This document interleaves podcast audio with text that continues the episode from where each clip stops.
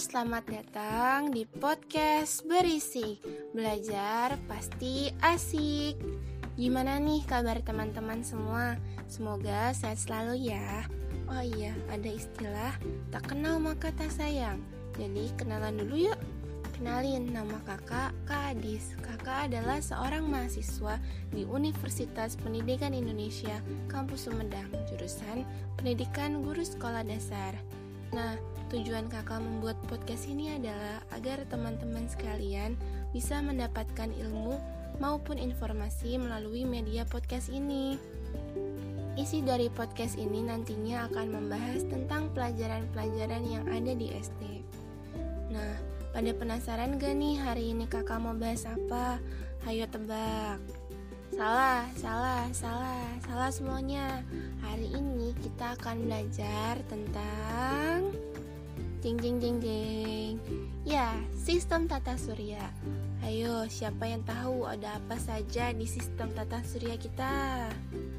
Ya, ada matahari, bulan, planet Jupiter, Neptunus, Mars, bumi, dan lain-lain. Kita cari tahu bareng-bareng ya. Pertama-tama, ada yang tahu satu-satunya planet yang memiliki kehidupan?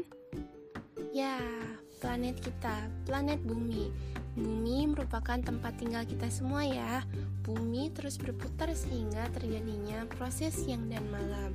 Nah, teman-teman, ada yang tahu gak benda bulat yang menyinari kita pada pagi hingga sore hari? Ya, betul, matahari.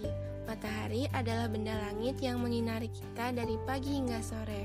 Matahari merupakan pusat tata surya kita.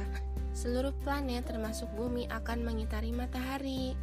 Nah, sekarang apa benda langit yang menyinari kita saat malam hari? Apa teman-teman? Gak kedengeran nih? Teriak dong. Oh iya, bulan.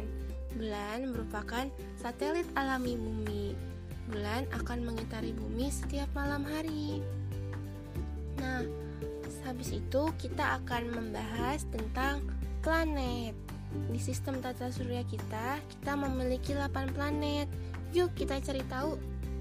Yang pertama ada Merkurius.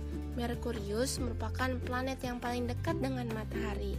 Merkurius merupakan planet terkecil dan yang paling panas. Kedua, ada planet Venus. Venus memiliki ukuran yang sama dengan Bumi. Venus merupakan planet yang paling terang.